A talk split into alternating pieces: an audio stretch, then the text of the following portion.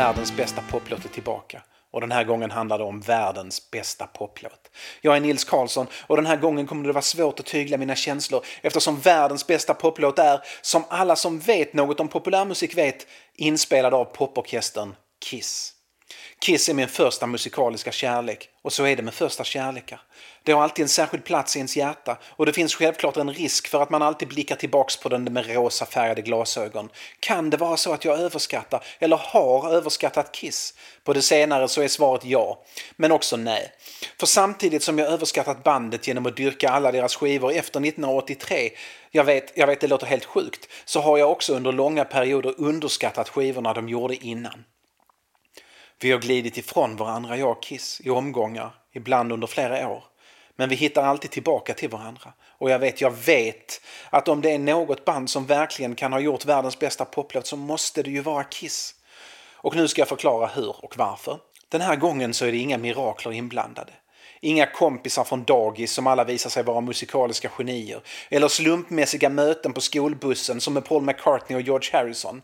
Kiss är nästan rätt igenom resultatet av hårt mänskligt arbete. Och ett litet, litet inslag av total och enastående talang och begåvning. Kiss har aldrig varit något annat än en explosiv personkemi. Och den är inte bättre än ingredienserna. Och ingredienserna är de enskilda medlemmarna i Kiss och möjligen deras producenter. Så även om jag skulle höfta fram en rangordning av alla som varit med i Kiss baserat på hur mycket talang och förmåga och personlighet de har som individuella musiker så är det ändå inte det som räknas i ett rockband. Den utan tvekan definitiva rangordningen av Kiss officiella medlemmar är såklart Häng med nu och det är deras artistnamn jag använder mig av Mark St. John, Tommy Thayer, Eric Singer, Bruce Kulick, Eric Carr, Gene Simmons, Vinnie Vincent, Peter Criss, Paul Stanley och Ace Frehley. Det är alltså dessa pojkar, bara pojkar, som utgjort ett av världens bästsäljande och mest inkomstbringande band någonsin. Men bara en av dem har gjort något med någon sort musikalisk värde utanför Kiss. Det är kemin som räknas och kemin är ingredienserna och ingredienserna är människorna och kemin har i det här fallet kemister som ligger bakom den. Alla som är intresserade av Kiss känner i alla fall i grova drag till berättelsen om hur de bildades. De har själva varit väldigt noga med att mytologisera det.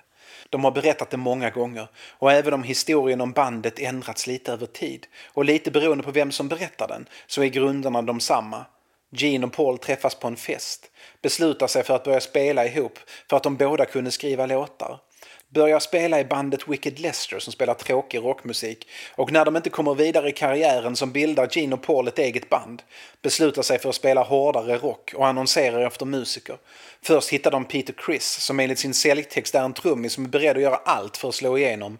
De behöver en sologitarrist också och efter att auditionat över 30 stycken hittar de Ace Frehley som gick på audition med omatchande gymnastikskor och när de fyra spelade tillsammans uppstod magi. Efter det går historierna isär. Den musikaliska kemin verkar inte inneburit att de fyra blev bästa kompisar på något sätt. Inte alls. Och är man intresserad av drama som får intrigerna i en eftermiddagssåpa i tusentals avsnitt att blekna så kan man läsa bandmedlemmarnas självbiografier. Alla fyra har skrivit varsin. Det är verkligen märklig läsning. Och märkligast är att bara en av dem, No Regrets of Ace, lyckats fånga och beskriva kärleken till musiken, till rock'n'roll, till instrumentet, till ljuden. Till hur hjärtat liksom stannar när bandet sätter det där breaket eller fillet och går vidare in i sista refrängen eller vad det nu kan vara. Det är synd. För Kiss gjorde verkligen magisk musik när de var som bäst. Mellan sig 1973 och 1978. Fem år när de gjorde smått otroliga 12 skivor. Då räknar jag med de två liveskivorna och de fyra soloalbumen de släppte för att hålla ihop bandet. Och det gick ju inte att hålla ihop det bandet, så explosivt var det. Självbiografierna är verkligen konstiga. Jeans handlar mest om hur bra Jean är på att tjäna pengar och på att ligga med många kvinnor och om hur dåliga Ace och Peter är. Ska dock säga att en tydlig kärlek till Ace skiner igenom trots allt. Mellan raderna Jean. du kan inte dölja det.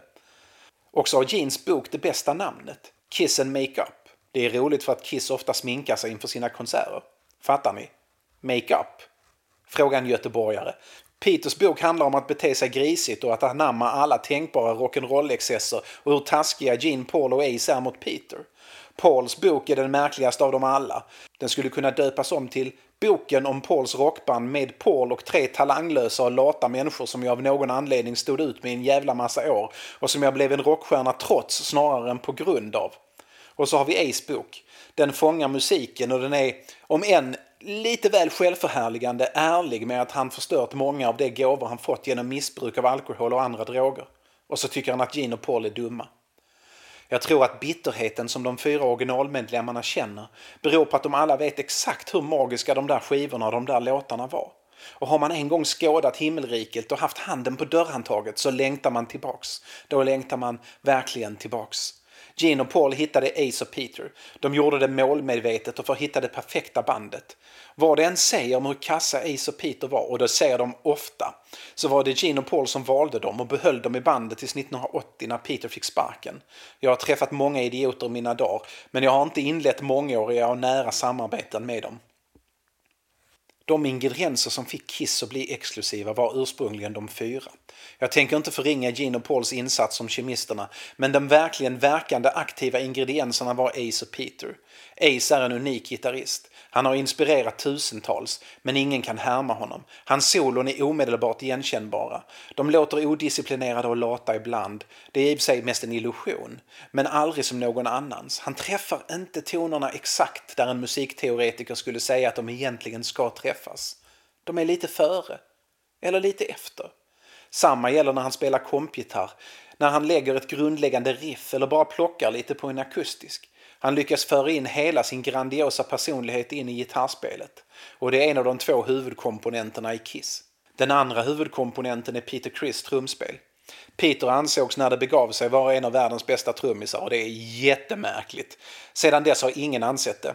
Han tillhör den grupp trumslagare som helt orättvist och allmänt betraktas som antingen sämre musiker än resten av banden de spelar i eller rent ut sagt bara dåliga musiker. Som Pink Floyds Nick Mason, som Ringo Starr, som Charlie Watts. Watts var en av Chris förebilder och de har många likheter.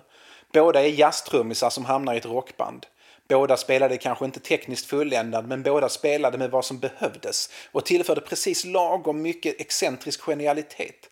Man kan inte tänka sig Rolling Stones utan Charlie Watts och Kiss utan Peter Criss swingiga trumspel är verkligen ingen rolig historia. För det var främst det Peter tog in i Kiss. Någon som svängde mer än de andra hårdrockarna. Kiss blev det enda hårda rockbandet med något av en jazz eller rhythm and blues-känsla i trummorna. Peter kunde sjunga också. Paul Stanley sjöng bra. Han hade en unik och stark röst. Peter sjöng bättre. Ace slutade i början på 80-talet efter skivan Music from the Elder som spelades in med nya trummisen Eric Carr. Också han enligt Paul Stanley tämligen värdelös och man kan undra vad det är för fel på Stanley som hela tiden väljer värdelösa musiker att spela med. Utan Ace och Peter gick det snabbt utför. Förutom de två skivor de gjorde med mestadels Vinnie Vincent på gitarr och låtskrivning så är det tveksamt om något de gjorde senare ens skulle ha gett dem ett skivkontrakt. Vill ändå, eftersom jag är så rysligt snäll, lyfta I still love you med sitt förvånansvärt bluesiga gitarrsolo som en höjdpunkt från Creatures of the Night, den första skivan utan Ace.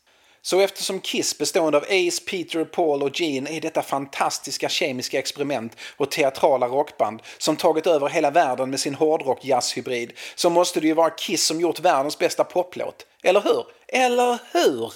Kiss var inte som många andra populära rockorkestrar knökfulla med låtskrivartalanger. De hade inte heller något enskilt geni som sprutade ur sig mästerliga poplåtar.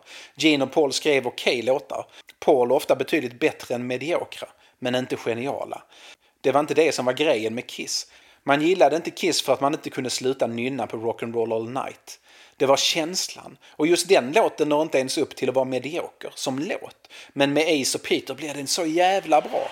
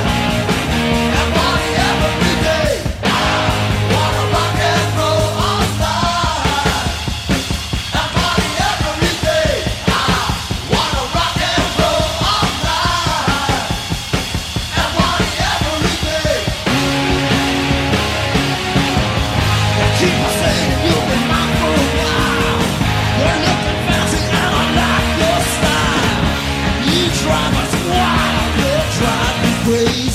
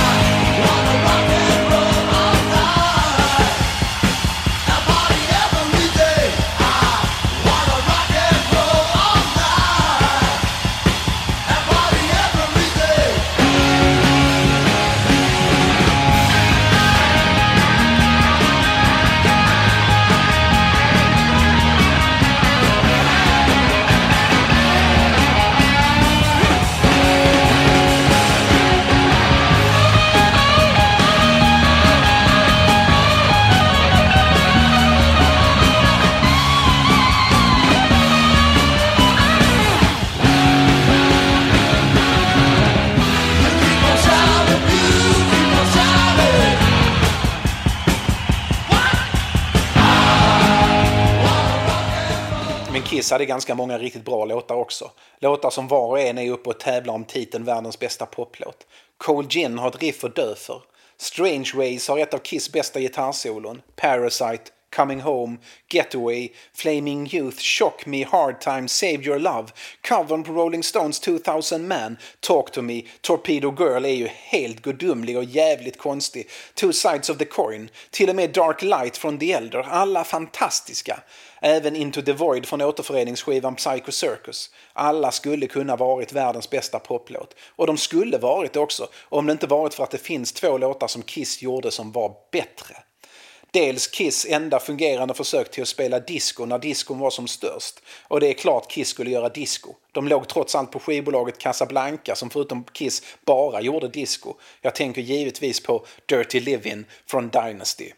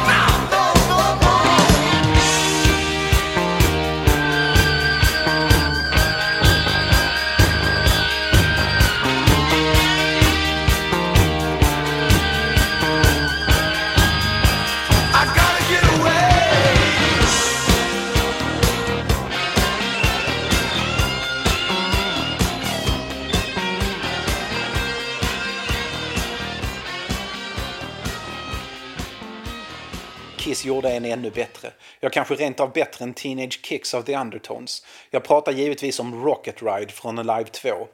Där nådde människans strävan mot himlen, mot rymden, sin största framgång hittills.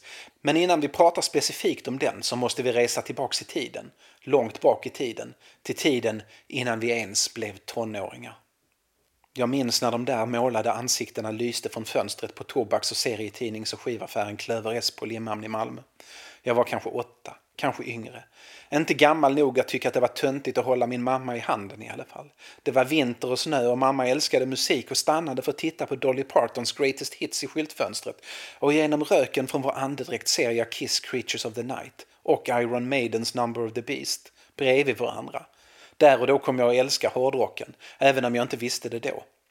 Kiss var som seriefigurer redan innan jag hört musiken. De såg ut som superhjältar när de med lysande ögon såg på mig från omslaget på Creatures of the Night, Demonen, Rymdmannen, Räven och Tönten med stjärnan.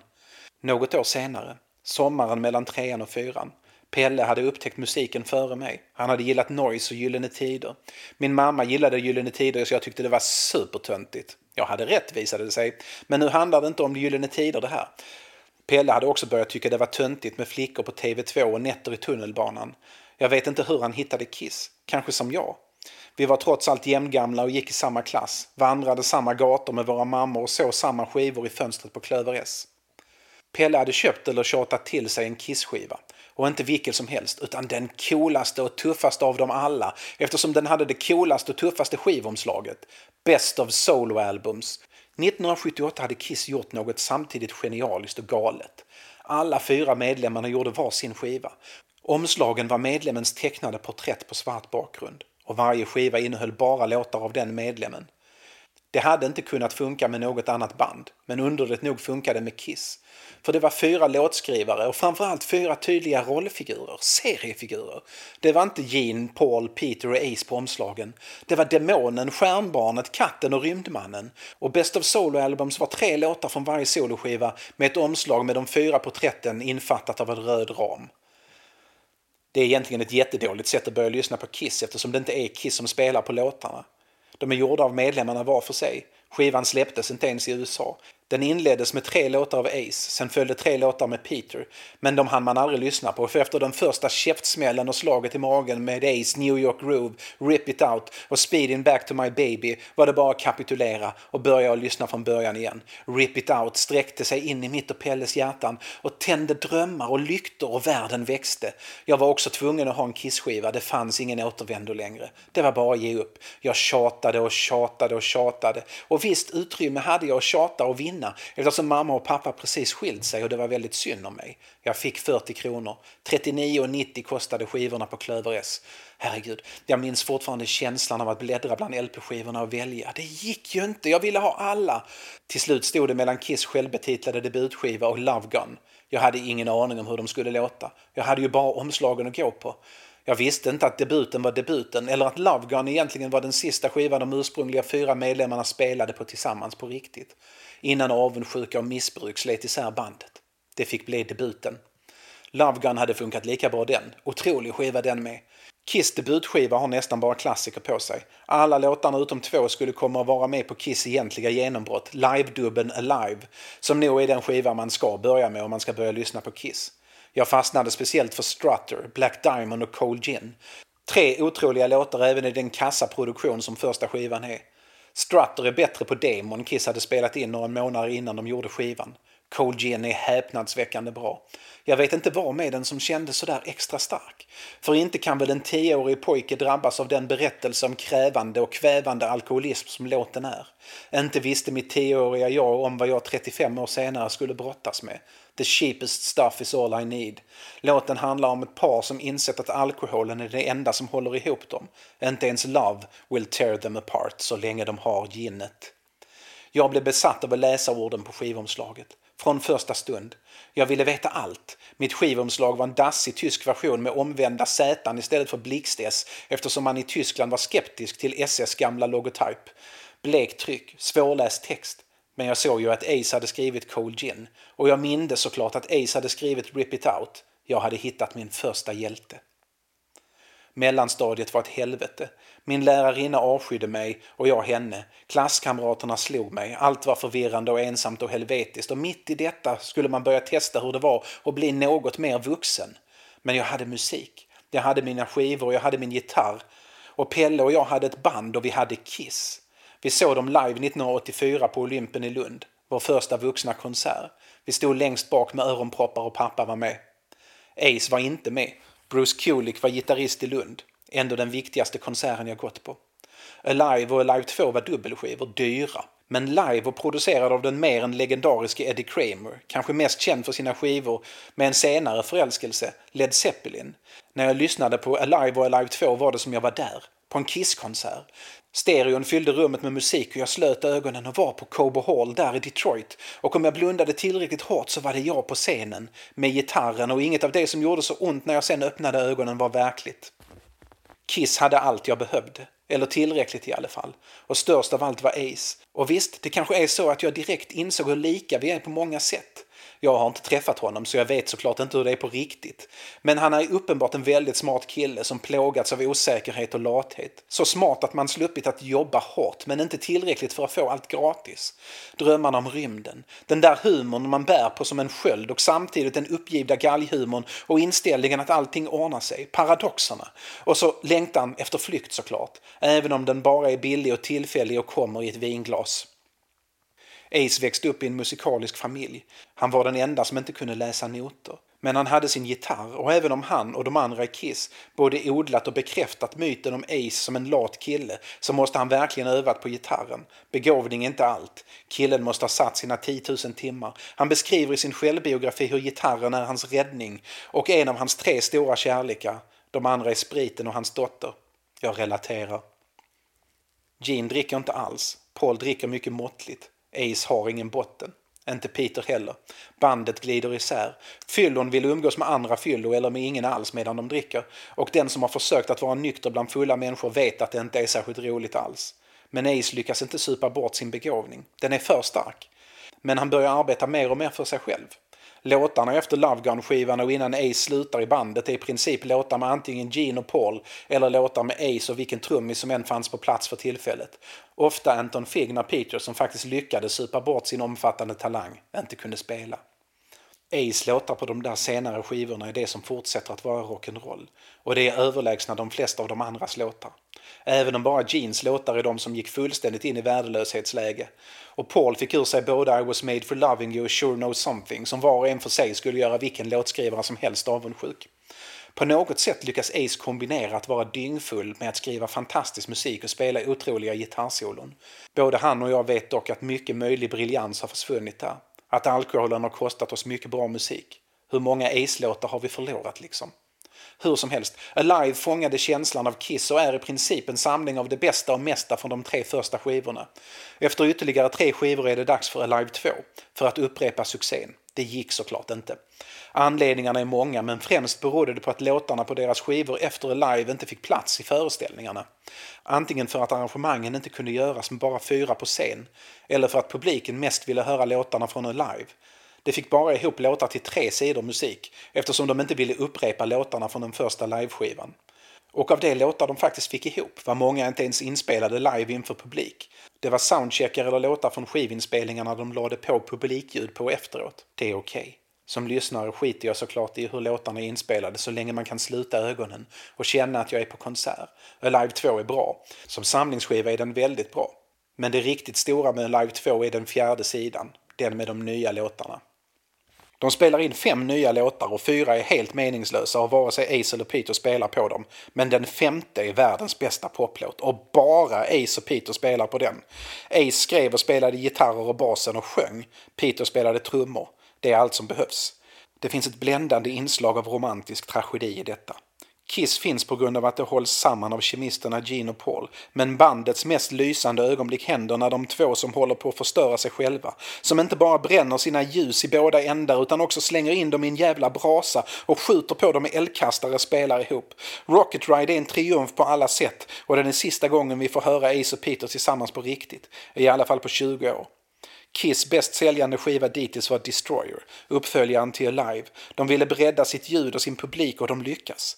Men det skedde på bekostnad av den spontanitet som Ace behövde. En annan sak som delvis gick förlorad var Kiss främsta inspiration till sångtexter.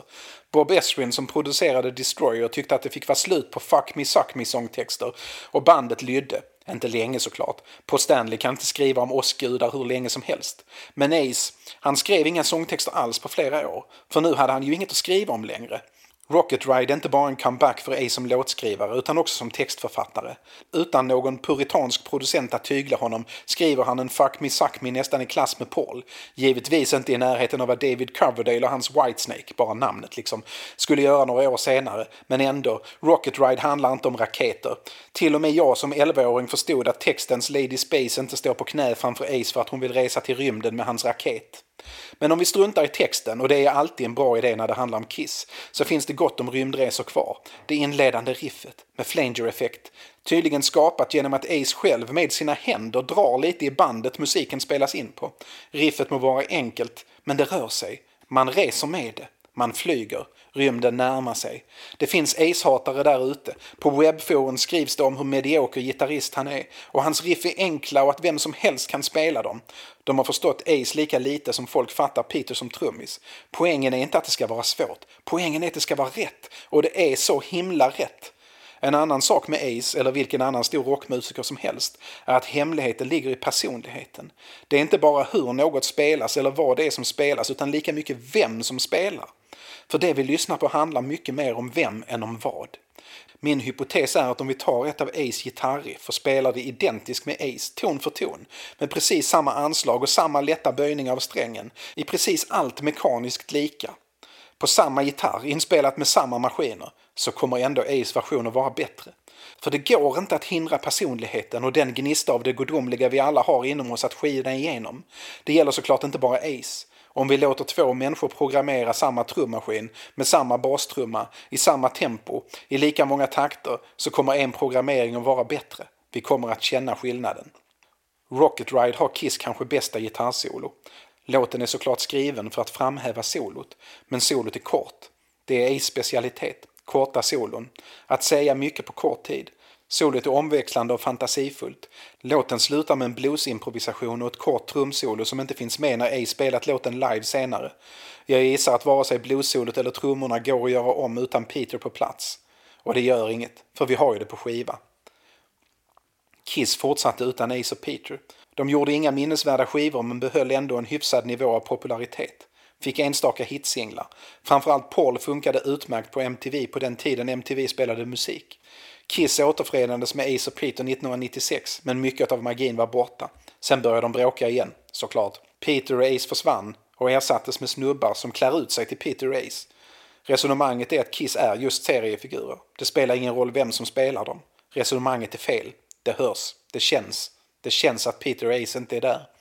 Ace har fortsatt spela in skivor. Excentriska hårdrockande skivor som är en fröjd att lyssna på. Men som ändå inte når upp till det han gjorde mellan 1973 och 1978. Men det är ju en orimligt högt lagd ribba och egentligen inte lönt att försöka leva upp till. Ace verkar lycklig nu. Han gör musik i sitt tempo och på sina villkor. Fyller 70 nästa år. Också hjältar blir gamla och det är väl bara att inse att också jag har blivit äldre än den nioåring som såg Kiss i skyltfönstret på Klöver S. Många av de steg jag tagit i mitt liv har varit med Kiss som soundtrack. Först på vinyl hemma, sen i hörlurar på freestyle, CD-spelare som blev MP3-spelare, som blev telefoner som på något sätt tankar in musiken direkt och skickar den till mina öron. Kiss har alltid varit där med mig. Till Rocket Ride började jag högstadiet. Till Rocket Ride började jag gymnasiet. Till Rocket Ride hånglade jag för första gången och för detta vill jag verkligen be Anneli om ursäkt. Herregud, dina förslag hade verkligen varit så oändligt mycket bättre. Rocket Ride har väckt mig på morgonen när jag i förtvivlan försökt komma till sans på bussen klockan fyra på morgonen på väg till postens reklamsorteringsavdelning där det sedan spelades Eurotechno på högsta volym hela dagarna så att vi skulle hålla tempot uppe eller dö till Hathaways What is Love, Baby Don't Hurt Me. Rocket Ride får ni gärna spela på min begravning, för varför inte? Lite trist att vara död när den spelas dock, men ändå. För det är en annan grej med popmusik. Världens bästa poplåt är världens bästa poplåt. Inte bara för att den som spelar den är världens bästa.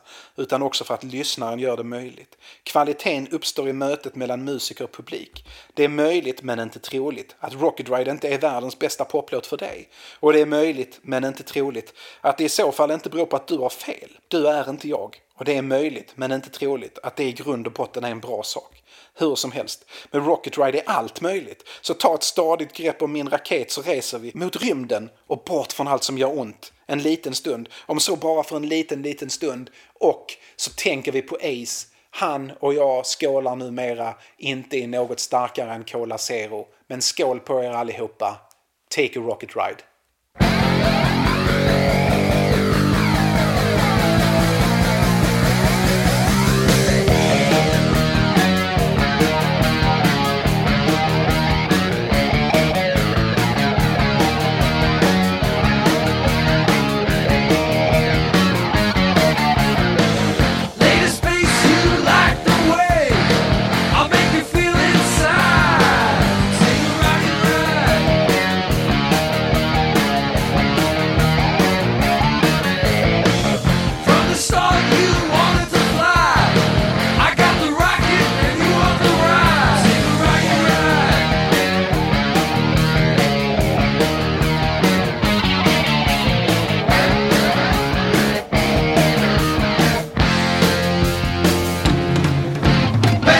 wants a fact.